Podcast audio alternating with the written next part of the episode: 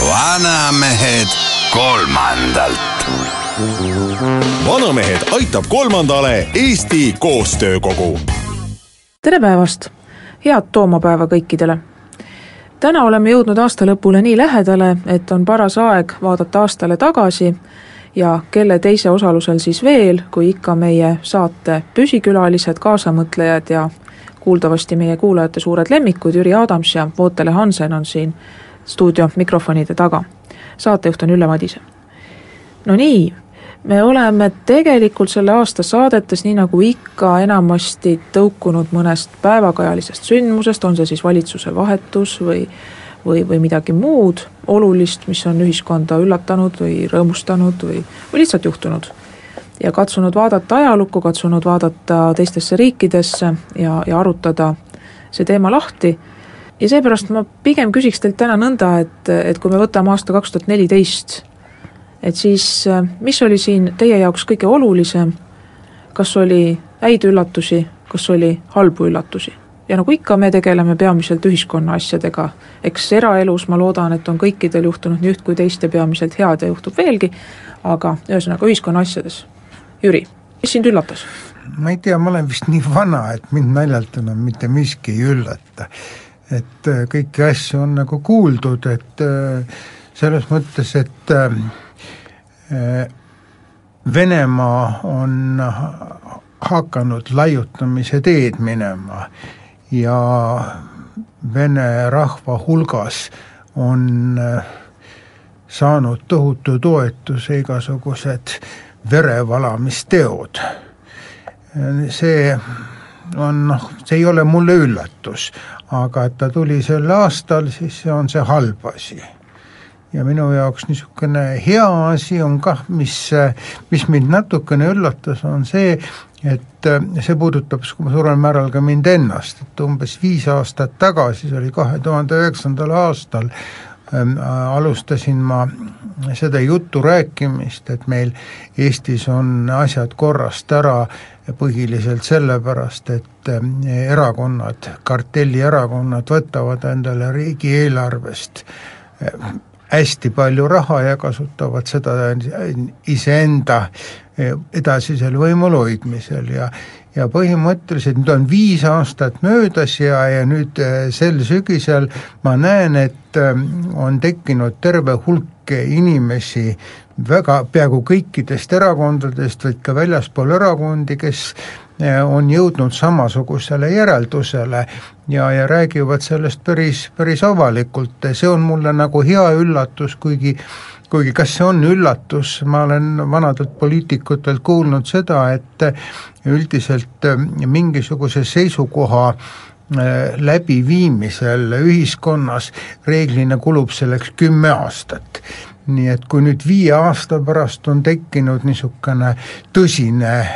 kaasamõtlejate ja aktivistide seltskond, siis ma usungi, et eh, veel viis aastat ja me saamegi sellest probleemist lägu. Kümme aastat on suhteliselt pikk aeg, aga teisipidi, kas või oma elule tagasi vaadates teinekord tundub, et läheb mööda nagu lipsti, nii et ootele. ajal on jah kombeks kiiresti minna, no mõneti on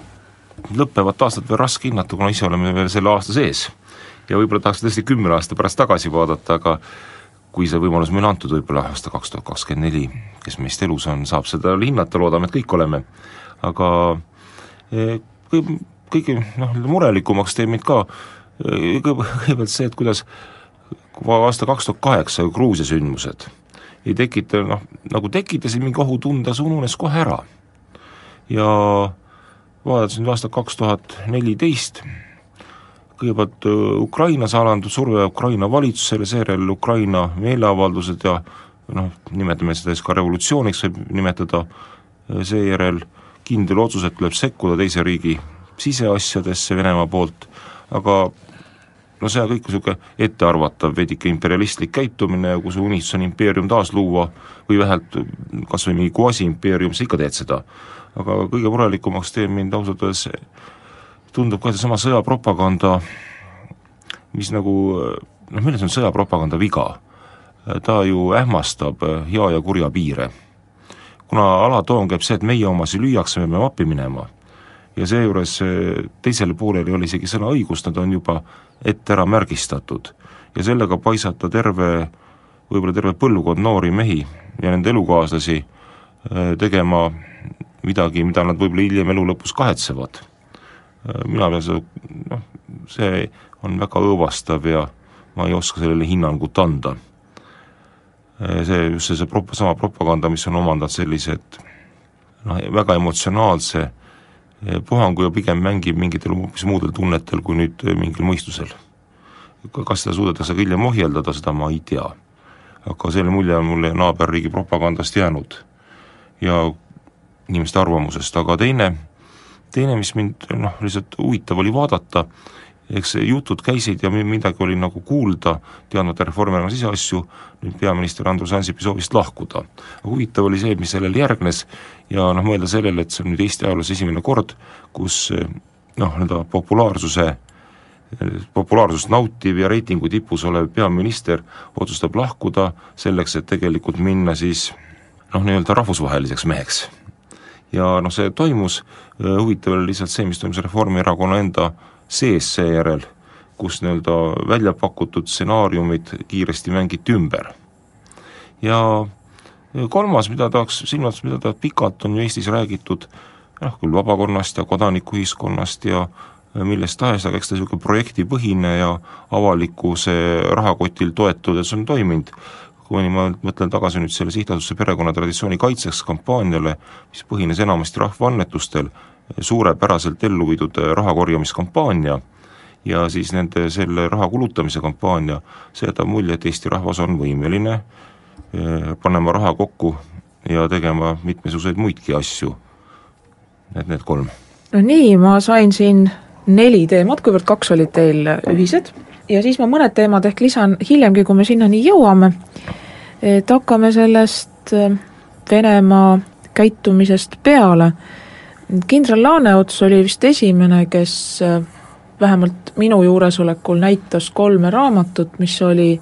kokku pandud president Putini administratsiooni ja õigeusu kiriku ühistöös, siin erinevaid äh, noh, ideolooge, Dugin ja Surkov ja ja neid, neid on siin ju ka meie saates puudutatud ja käsitletud. Ja, ja siis nende raamatute sisu oligi see, et Venemaa on tegelikult teistmoodi tsivilisatsioon, ta on oluliselt elujõulisem, loomulikult parem kui lääs, läänes on vaenlased eelkõige Ameerika, Euroopa Liit on lihtsalt nõrk, noh, pehmod, nagu nüüd on moesõna, ja, ja niisugune küllaltki hästi läbi töötatud sõnum, mis ühelt poolt siis kõditab kõikide või väga paljude ühiskonnaliikmete enesetunnet ja hinnangut ja mitte ainult Venemaal, vaid siis ka seal, kus nad näevad oma kaasmaalasi piiride taga,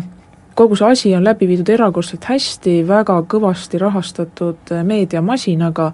Ja ühesõnaga, mida tahan öelda, et et niisugune kummaline religiooni ja militaarvõimu ja autokraatia kombinatsioon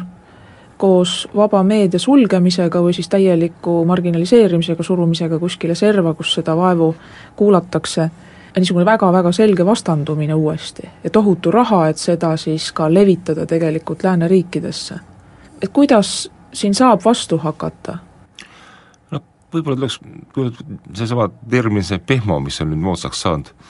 siis mul tegi just veidike nalja see poleemika, mis toimus, et kas pegi-, kas peh-, pehmode laienemine päästab Eesti perevägivallast. mina olen noh, ma ei oska öelda, ma ei oska määratleda selle mõiste sisu, aga ma olen alati arvanud, et agressiivne ja ründavam ja tavaliselt ründavam endast nõrgema suhtes on see, kes ise kardab ja arg inimene. ja seda tõttu noh, siit jõulist mehelikkust ma ei usu, et see on kunagi võimeline perevägivallaks. see oleks esimene asi. teine on see, et kui me vaatame Venemaa käitumist, siis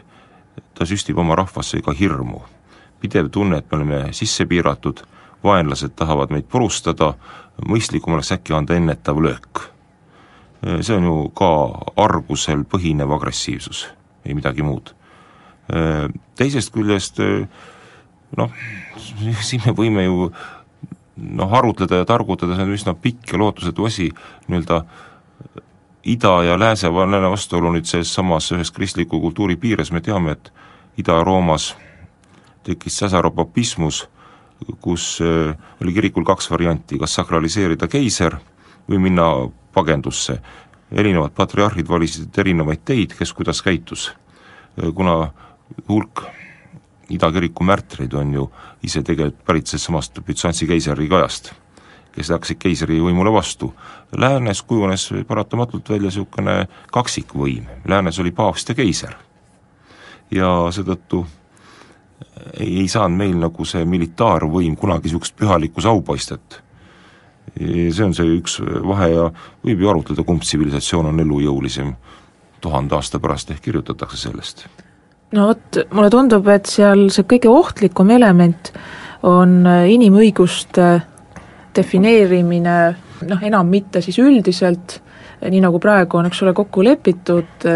tegelikult üle ilma, et kui inimene sun-, sünnib, ükskõik kuhu ta sünnib, ükskõik millisena ja millisesse peresse, et siis tal on teatud pakett universaalseid inimõigusi. ja sisuliselt on ju pandud ka need kahtluse alla, et hakataksegi rääkima sellest, et nii-öelda need erinevad tsivilisatsioonid defineerivadki inimese õigused ja rolli ühiskonnas ka selles põhituuma osas erinevalt. See, et on igal riigil oma põhiseadus ja, ja oma kultuur ja oma traditsioonid ja sellest tulenevalt on inimeste elule teatud rööpad ette seatud võib-olla mõnes riigis, ja see vabadus ei pruugi olla nii suur, kui meie siin oleme harjunud, aga see põhituum, noh, see elu ja seal ütleme, piinamise keeld ja sellised, sellised nii-öelda inimõiguse põhituum, et, et see justkui on olnud universaalne käsitlustes, aga täna öeldakse, et ei, et see ei ole niimoodi, et, et siin Hiina või Venemaa või keegi võib defineerida seda hoopis teisiti, hoopis paremini. Nojah, inimõigustest rääkida on äh, ka kohane, aga aga probleem meie jaoks on vist äh, vähemalt kolmel tasandil. üks on see, et ähm, nüüd peale kahtekümmend aastat, kus me oleme saanud rahulikult tegeleda iseenda arenemisega, nüüd me peame olema valmis valmis päris riikidevaheliseks sõjaks, kus kasutatakse kõiki moodsat relvastust kuni, kuni vaata, et aatompommini välja või vähemalt sellega, sellega ähvardamiseni, ka see ei ole välistatud lähiaastatel. aga ma arvan, et see on nüüd kutseliste sõjaväelaste temaatika, see ei ole mitte minu, teine asi on see, et sellel asjal, mida me näeme toimumas vene rahva hulgas, sellel on kindlasti kaks erinevat mõõdet, üks on see, mida Kremlis parasjagu võimul olev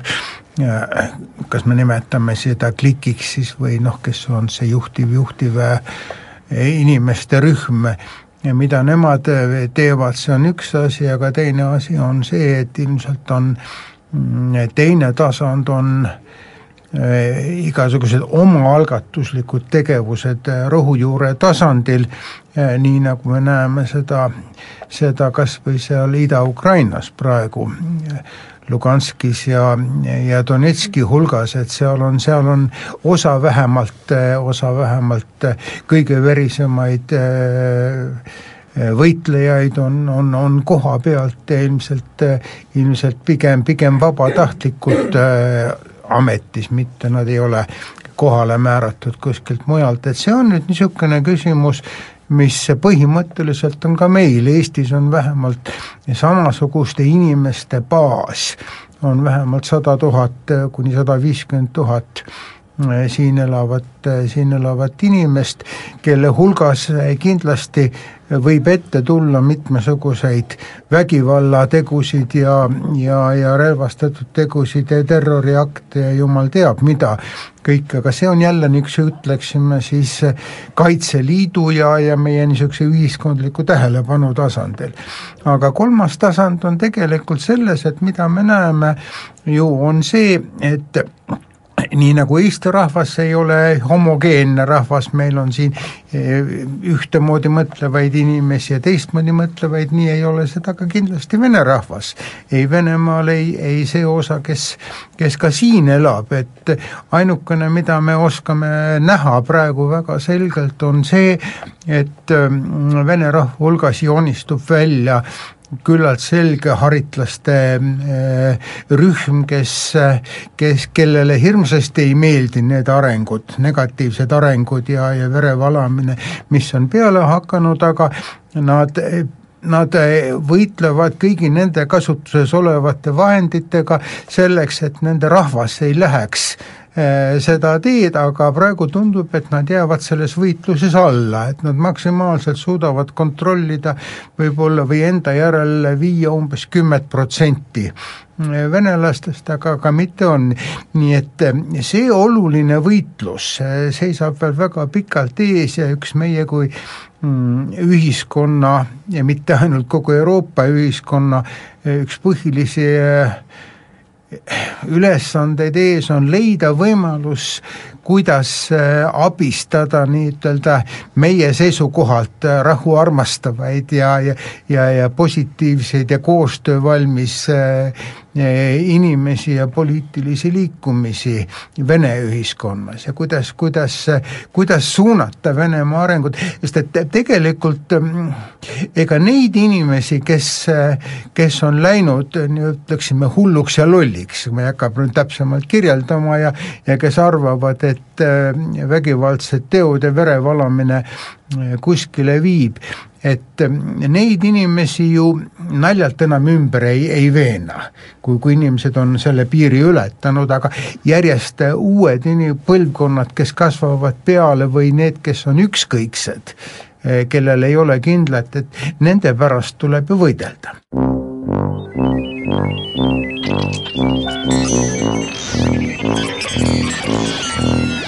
Vanamehed kolmandalt. Vanamehed aitab kolmandale Eesti Koostöökogu. Jätkame saadet, meenutame täna kahe tuhande neljateistkümnendat aastat Jüri Adams, Vootele Hansen ja Ülle Madise. Ja siin saate esimeses kolmandikus palusin nimetada nii Jüril kui Vootelel mööduva aasta head ja halvad üllatused ja kõige olulisemad sündmused. Ja loomulikult me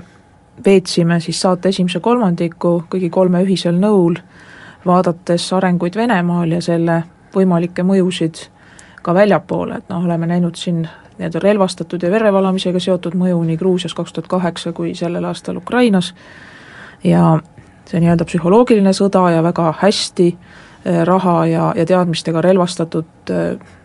psühholoogiline sõda, kõik Sputnik ja, ja, ja kõik need muud sellised kanalid ja, ja infooperatsioonid teistes riikides, et noh, need said ka juba mainitud. Ilmselt ei hakka täna minema süvitsi sellisel teemal nagu hübriidsõda, mis on täna ka Euroopa ajakirjanduses ja, ja veelgi enam poliitikute vestlustes murelikult teemaks, et ehk siis tegelikult võideldakse viisil, mis teeb väga raskeks äh, näiteks agressiooni defineerimise, kui, kui agressiooni definitsioon on umbes nelikümmend aastat vana ja ega teda väga ei ole, ei ole muudetud, siis äh, Venemaa on selles mõttes olnud erakordselt kaval, et ta et ta toimetab neid äh, toimetusi niiviisi, et justkui alati on võimalik vaielda ka lääneriikidel omavahel, kas tegemist on agressiooniga teise riigi vastu või tegelikult kohalik elanikkond lihtsalt mässab, on kodusõda, et, et seda kõike kasutatakse väga kavalalt ära ja juurde tuleb ka majanduslike huvide mõõde, nii nagu siin Eesti meedias on väga palju räägitud näiteks äh, Mistrali tehingust ja ja loomulikult siis sõltuvusest Vene gaasist, et ega see naljaasi ei ole, paljude inimeste töökohad ja isiklik kasum, sissetulek ja ja kõik muu ju, ju sõltub nende riigi suhetest Venemaaga ja eks need inimesed üritavad oma poliitikuid ka survestada niiviisi, et nad asjadest saaks aru nii, nagu Venemaa sooviks, et nendest aru saadakse, ehk siis et neist aru ei saadaks. aga kui nüüd see teema hetkeks selja taha jätta ja, ja minna pisut edasi, siis eh, kui me tuleme siia Eestisse Jüri nüüd viitas sellele, et, et meie erakonna maastikul on toimumas muutusi alates sellest, et et nüüd on küsimus sellest, kui suur peaks olema riigieelarveline eraldis erakondadele nende ülalpidamiseks ja reklaamikulude katmiseks ja mis alusel ja kellele seda anda, et see on jah, viis aastat tagasi üsna jõuliselt üles tulnud, aga nüüd on ta tõsiselt esil ja samas üle väga hulga aja on tekkinud ka uusi erakondi nendest hetkeseisuga peaks olema registreeritud äh, kaks. Et kuidas te seda hindate, kuidas te hindate neid väljavaateid ja ma siit kohe laiendaks teemat, et, et siin viimased nädalad on toonud hulganisti teateid väga tuntud inimeste liitumisest erakondadega, aga mingil põhjusel enamasti liitutakse nende erakondadega, keda uued tulijad tugevalt kritiseerivad. võib-olla ma ise võib-olla lisaks mõned mõtted, kõigepealt nagu üle, üleminekuks võib-olla see mõte, et ma olen mõelnud, et Venemaa juhtkond on pärit enamlastelt, see kehtib sageli ka Eestis mõnikord politseielus, selle ettekujutuse, et vastaslikud suhted on nagu nullsumma mäng, kui keegi võidab, see on ka kaotaja. et ei ole neid, kus kõik saavad kasu. Noh, me teame, et enamlased arvasid nii, et kui maailma revolutsioon võidab, siis peab kodanlus kaotama, kui kontrrevolutsioon võidab, kaotavad nemad. Ütleme, et kaupmehe mõttelaad on see, et mina müün, sina ostad, me mõlemad tahame seda teha ja mõlemad saame kasu. Hea oleks, kui see mõttelaad leviks ka Eesti sisepoliitikas rohkem. aga nüüd uute erakondade juurde, tegelikult ma arvan, et meie kõige suurem probleem on see, et aga väga vähe on tulnud ju juurde noori inimesi poliitikasse. On tulnud inimesi teistelt amet-, erialadelt küll, jah, kui nii võtta, siis väga palju nendesse uutesse erakondadesse koondunud inimesi, kes on ennemgi poliitikas tegevad olnud, erinevatel põhjustel eemale tõmbunud, no mõne, mõni inimest on ikka võib-olla veidi kibestununa, mis annab vastastele väga hea väite, et seda üldistada, mis üldiselt ei ole, vasta tõele. aga noh, selles mõttes, et ega nüüd olulist inimeste laienemist pole, pole toimunud ja samas tuntud inimesed, kes seni ei ole nagu avaliku poliitilise tegevusega sidunud, Äh, tundub, et nemad lähevad kindla peale. silmaga nähtavalt on ju nendel neljal olemasoleval parlamendierakonnal parem rahastus, järelikult kui sa loobud juba oma senisest ametist ja elukutsest äh, või sellest võimalustest, siis tuleb minna kindla peale. mis teeb natuke kurvaks, et kuhu on kadunud siis meil see nii-öelda riskijulgus ja see mängurõõm, et äh, ma võib-olla lähengi uuele väljale, tundmatule maale uuete erakondade tekkimine jäi nende valimiste suhtes, jääb hiljaks või jäi hiljaks, et siin on vaja põhimõtteliselt paar-kolm aastat sisse elada ja, ja, ja ka nii-ütelda inimestel, valijatel selgeks saada, et kes on kes. nii et ma arvan, et nendel valimistel isegi kui nad, mõni neist erakondadest või väikeerakondadest peaks ületama viie protsendi barjääri, et äh, sellel nagu äh, järgmise nelja aasta, äh, nelja aasta poliitikat muutvat niisugust mõju ei saa oluliselt olema, aga mina arvan seda, et kuna vähemalt osa neid uusi erakondi või väikeerakondi tuleb teatud niisuguste teistsuguste ideedega, üks on see, mida ma enne nimetasin, et see valimiskorraldus raha tahab ümber teha, siis sellel on iseendast positiivne mõju igal juhul, sellepärast ega erakonnad ei ole mingisugused monoliitsed niisugused eh, noh, ma ei tea, raudkivirahnud, et et kas on või ei ole, erakondade sees on väga palju erinevaid inimesi ja kõikide praegu ka nende suurte kartellide erakondade sees on inimesi, kes on vaikselt samu asju mõelnud, aga kuna nad on tundnud, et nad on vähemuses oma erakonnas, siis nad on jäänud kõrvale, et et minu arvates äh, algab peale üks oluline nende nelja erakonna sisemise käärimise protsess selle uute tulijate, tulijate äh, teistsuguse arusaamise põhjal ja see viib äh, nende kartellierakondade sisemisele ümberkujunemisele pikapeale. isegi sel juhul võib-olla, kui, kui, kui need, nendest ühestki uuest erakonnast ei saagi õiget mingisugust poliitilist instrumenti, et et protsess toimub, toimub ühiskonna sees ja protsess toimub erakondade sees. küllap andis parema võimaluse uute erakondade registreerimiseks seegi, et, et rahvakogu protsessi ühe tulemusena Eh, langetati nõutavat minimaalset erakonnaliikmete arvu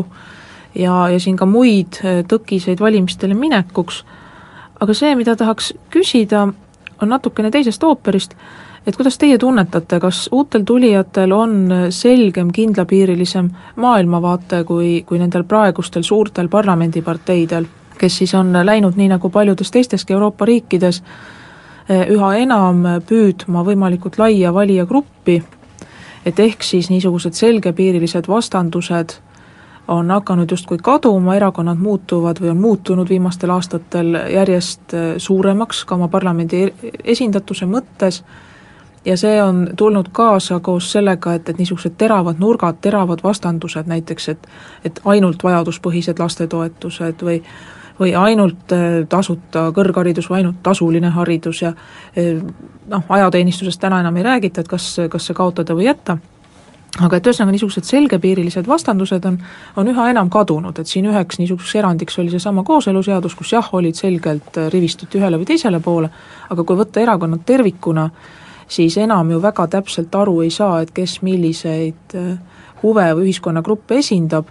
ja tõenäoliselt on selle taustaks see, et, et kui sa võtad väga selge positsiooni, siis üle viieteistkümne protsendi ei ole sul mingil juhul valimistel edu loota.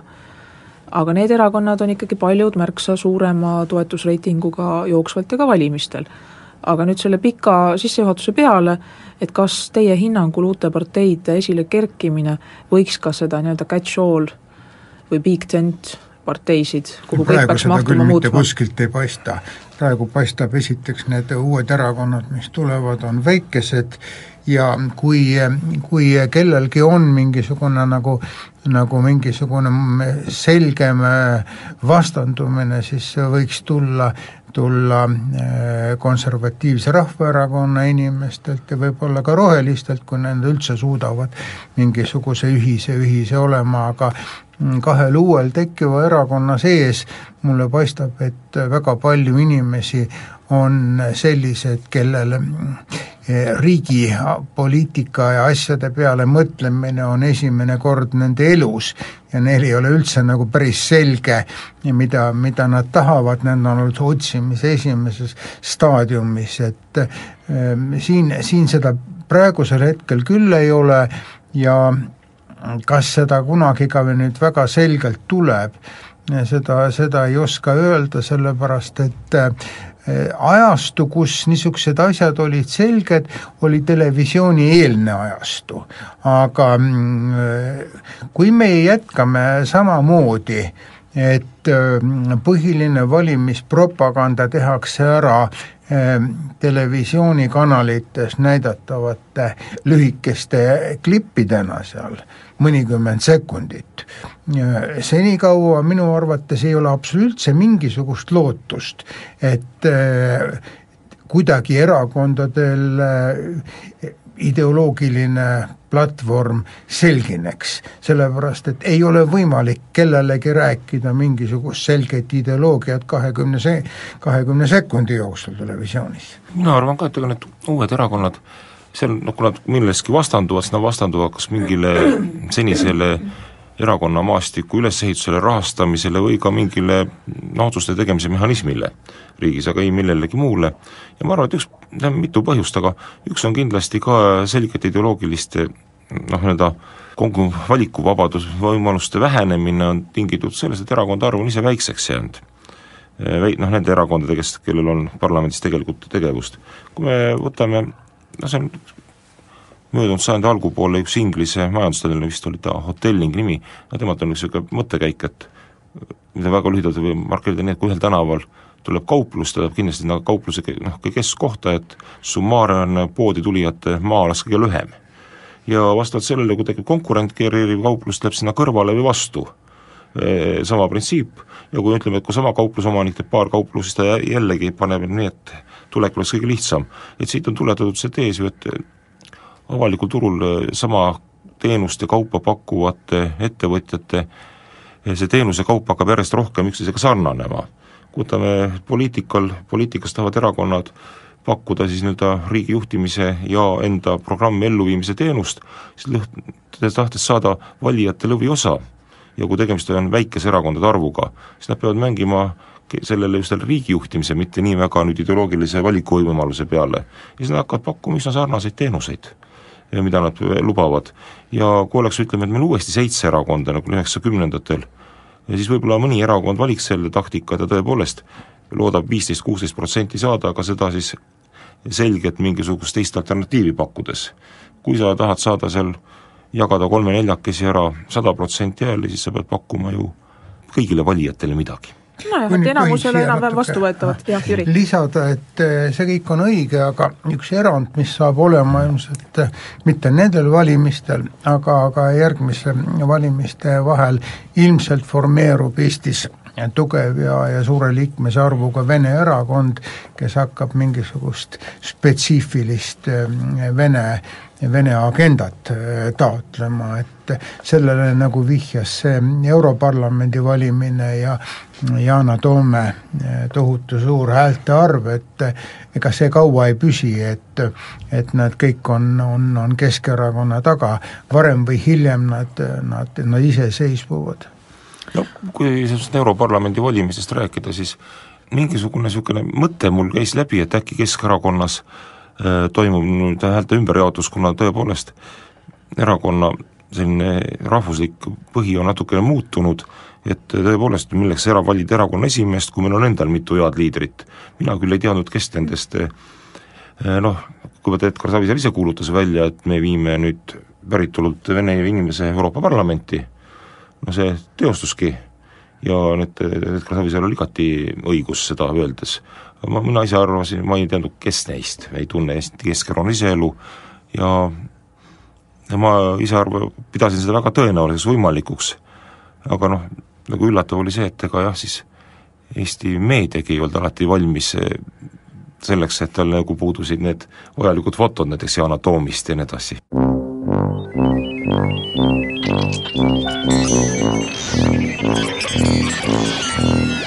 Vanamehed kolmandalt.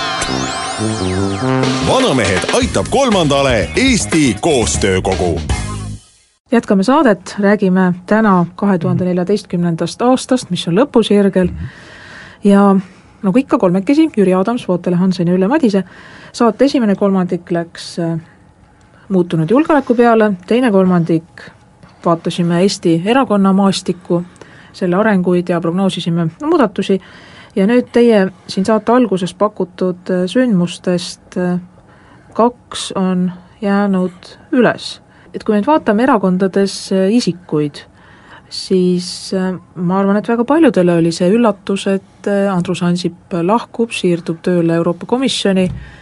ja et uueks peaministriks tõuseb Taavi Rõivas. Et kui see olukord tekkis, et keda teie ennustasite Reformierakonna uueks peaministriks? no raske oli öelda selles mõttes, et seal eh, selge oli see, et mm, pidi tulema noorem, noorem eh, inimene etteotsa, Siim Kalda tagasitulek ja sellele kohale eh, tundus suhteliselt ebaloogilise niisuguse sule peast välja imetud skeemina või, või vangerdusena, ma olen päris kindel, et Siim Kaldal saab olema veel oma, oma rolli Eesti, Eesti poliitikas, aga, aga mitte niimoodi. Ja et selles, kui nüüd vaadata, et Reformierakonnas oli enam-vähem neli nooremat, umbes üheealist inimest, kolm meest ja, ja üks naine, kes ilmselt omavahel olid rivaalid järgmise põlvkonna vahele ja ja mulle tundub küll niimoodi, et ma ei ole nendega kõigiga väga palju kokku puutunud, suhteliselt vähe, mõne, mõnega siinsamas selles saates ja mõnega mingisuguste kohtadel, aga mulle tundub, et nendest neljast sai niisugune mm, kõige tõsisem, kõige süvenenum ja kõige töökam etteotsa, et, et siin on siin on naljakas, kuidas need, need asjad äh, ikkagi, ikkagi lähevad, äh, lähevad selle eest, et, et mitte lihtsa populaarsusega ei tule, et aga vaatame, ega, ega see ei ole praegusel hetkel veel selge, Eh, kas eh, meie praegune peaminister, kui kauaks ta jääb oma erakonna etteotsa ja ja kas ta, kas ta, kas ta jätkab, sest päris kindlasti tal on tõsine konkurents ja, ja tema tuntus ja populaarsus rahva hulgas praegu ei ole vist võrreldav, üldsegi mitte võrreldav nende Reformierakonna eelmiste juhtide positsiooniga. jah, minulegi tundus see, kui tuli uudis, et pakutakse kohta Siim, peaministri kohta, erakonna esimehe kohta Siim Kallasele, natuke üllatavana, kuna tundus kuidagi väga kunstlik selles mõttes, et inimene, kes pole mitmel viimasel valimisel kandideerinud, eh, noh, see ei läheks nagu välja kuulutatud, Reformierakonna enda poolt välja kuulutatud senise, seniste juhtnööridega kokku. endiste ja pikka aega võib-olla eemal olnud Eesti sisepoliitikast inimeste tagasilükk on igati võimalik, aga tavaliselt see peaks ikka toimuma läbi valimiskampaania ja valimiste, mis kõigepealt algavad sellest, et erakond see üles seaks. aga ega mul oligi üllatus, kui Taavi Rõivas osutus selleks, keda siis pakuti välja Reformierakonna poolt, esimese, kas ta on mingi kompromisslahendus, et eh, tegelikku heitlus läheb lahti nüüd võib-olla nimekirja koostamisel, aga praegu tundub, et ta jääb ka nimekirja juhtima selliseid personaalseid muudatusi väiksemal või suuremal mm -hmm. määral on olnud ka teistes erakondades, kui vaatame IRL-i, siis eh, noh, mitte midagi halba ega enneolematut, aga Eesti nüüd viimaste aastate niisuguses riigiõiguslike tavade komplektis küllaltki uuenduslik lähenemine, et et valimistele minnakse peaministrikandidaadiga, kes ei ole erakonna esimees. ja siin justkui oleks eh, noh, Juhan Parts ei ole nüüd kindlasti äh, siis selle generatsiooni mees, kuhu kuuluvad äh, siin Siim Kallas või Andres Tarand, eks ole, tema on ikkagi ka pigem ju nooremas seltskonnas, aga ikkagi, et justkui kui sammukene siis selle nii-öelda eelneva personalilaine suunas sellega, et Urmas Reinsalu kõrvale kergitati Juhan Parts. et kuivõrd see teid üllatas, see käik, või mida see tähendab teile? minu see ei üllatanud, seesama probleem, mis oli, mis oli Res Publical kunagi vanastigi juba, et et äh, Res Publica tegelikud liidrid mm., eriti Reinsalu ja temale teised lähedal seisvad inimesed, et ähm, nad ei ole ju andnud nii-ütelda võimalikku peaministri formaati välja ja sellepärast on algusest peale olnud see küsimus, et et kes oleks neil see instrument, keda panna, panna, panna peaministri kohale, aga, aga see, et äh, et Juhan Partsi nimi on taas üles tõstetud, see on, see ei ole hea näide selles mõttes, et äh, kõik need äh, puudused, mis olid äh, Partsi eh, töös sel ajal, kui ta oli peaminister, kõik need on säilinud praegusenigi, nii et kõrvaltvaataja peaks ju ütlema, et tegelikult ta on ükskord andnud Eesti rahvale selge tõestuse, et ta ei sobi peaministriks, et miks ta siis nüüd mõni aasta hiljem peaks uuesti sobima. Kõige kummalisem on praegust vaadata seda suhtlust, et eh, enamasti pöörduvad ju ajakirjanikud või ka üldse pannakse tähele seda, mida Reinsalu ütleb Isamaa liit, Isamaa ja Res Publica Liidu nimel, ja vähem nagu hakkab silma, mida nüüd Juhan Parts ütleb, kuigi tegelikult peaks hakkama tema, kui ta on tõesti peaministrikandidaat ja siis järelikult ka valimisnimekirja esinumber, kuidagi rohkem silma. Sotsiaaldemokraadid ei ole oma liidreid vahetanud ja ma muidugi ei tea, kuidas sellega on, aga siin paljud on öelnud, et, et võib-olla see on ka noh, sellise me-, meedia ja poliitika terminiga noh, kerge spinn, kui räägitakse, et, et siin praeguste liidrite positsioon justkui kõiguks või oleks ohu, ohustatud eh, taganttulijate näol, aga tahate te Jevgeni Ossinovskist rääkida, uus särav täht? ei oska praegu midagi, midagi öelda. Eh, nüüd on ta eh, haridusministrina on tal tegevusmaad ju õige palju jutt käib uutest õppekavadest, samaaegsed vanad õppekavad pole veel viite aastatki vanaks saanud, isegi puuduvad õpikud uute vana, nende nii-öelda kaks tuhat kümme kehtestatud õppekavade kohta, ülikoolides on mitmesuguseid arenguid, hea küll, ülikoolid on meil iseseisvad ja avalik-õiguslikud, aga sellegipoolest Haridusministeeriumi nii-öelda korraldatav elusfääri piires, kus on vaja läbi rääkida, viib, kõige rohkem on kõneainet olnud kas jätkata ja kuidas jätkata siis reformiga vene gümnaasiumides, ma usun, et tal on tööd ja tegevust palju ja ma ei oska rohkem midagi öelda, eks aeg näitab. kummaline on see nähtus küll, sellepärast et äh, haridusministrid on viimase kümne aasta jooksul olnud alati äh, äärmiselt ägeda äh, ja mahakiskuva kriitika objektid kogu aeg. et nüüd Ossinovski ministri aega, aja suhtes peaaegu ei ole. avalikku kriitikat, siis mida see siis tähendab, kas on mingisugused muud tegurid, mille pärast seda ei kritiseerita, või peab arvama, et põhimõtteliselt äh, saab tema oma ülesandega äh, niivõrd hästi hakkama, et äh, ei ole põhjust teda kritiseerida, et minul, ma ei tunne seda va-, hetkel seda tema, tema, tema ministeeriumi töövaldkonda ja suhete valdkonda äh, kuigi, kuigi hästi, aga kui ma mõtlen selle peale, kuidas vaene Tõnis Lukas kunagi aastaid tagasi pidi pidevalt, eks ole, kaitsma ennast mitmesuguste kooli koolitöötajate organisatsioonide, kaasa arvatud õpetajate pidevate rünnaku eest ja pidevalt püüdma nii-ütelda neid ära ostma eh, palga tõstmislubadustega ja nii edasi ja nii edasi, siis noh, tundub küll, et eh, Ossinovskil läheb selle ameti pidamine tunduvalt ladusamalt kui omal ajal Tõnis Luukal. noh, tingimused on ka natuke teised, kuna praegu on tekkinud suures osas ikkagi teatud enese alalhoiuinstinkt nii koolidel kui ka õpetajatel, kõigil muudel, kui me ikka mõtleme sellele, et praegu on üle seitsmekümne viie tuhande põhikooliõpilase vähem, kui oli kuusteist aastat tagasi, siis on see ikka väga suur arv, mis on õpilaste arv vähenenud, aga seda siis vähenenud, kui põhikool on hea võtta, kuna põhikoolis käimine on kohustuslik. kui seal on seitsekümmend viis tuhat vähenenud, siis järelikult on see, puudutab ka kutsekoole, gümnaasiumi, kõrgkoole, kõike. vaatan, et meil on saate lõpuni jäänud äh, täpselt kaks minutit, mistõttu teemat, mille siin Vootele alustas, ehk siis äh, võitlus kooseluseaduse ümber. mitte kooseluseaduse, vaid see kampaania läbiviimine. kampaania läbiviimine, et, et ühesõnaga küllaltki emotsionaalselt laetud võit-, võitluseks ja siis niivõrd palju inimesi jah, organiseerus, aga selle viimase minuti jooksul, jõuluajale sobivalt, et Vootel eelkõige küsiks sinult, aga ilmselt tuleb teha eraldi saade, et kuidas sa hindad paavst Franciscuse nii-öelda perekonna sinodiks nimetatud ettevõtmist? Praegu ma ei oska seda hinnata, kuna ega ju õpetuslikke aluseid mitte ühtegi ei muudetud,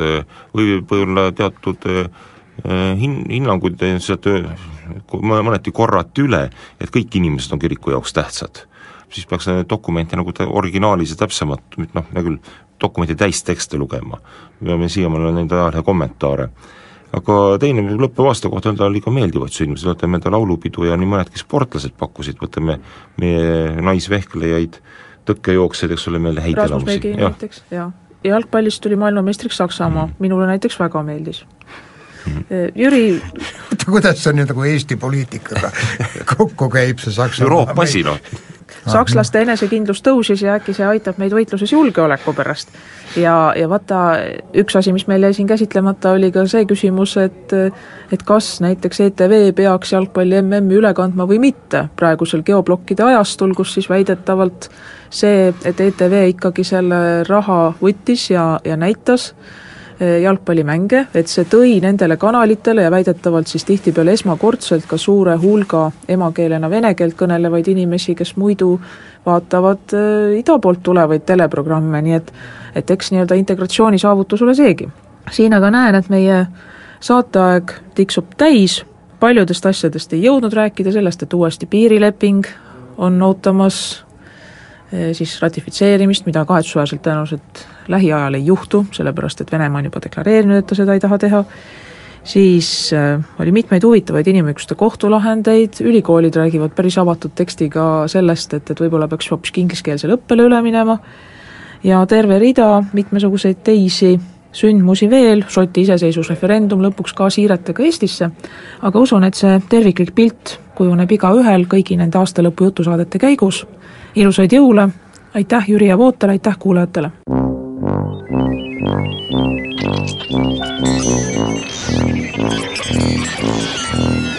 Vanamehed kolmandalt. vanamehed aitab kolmandale Eesti Koostöökogu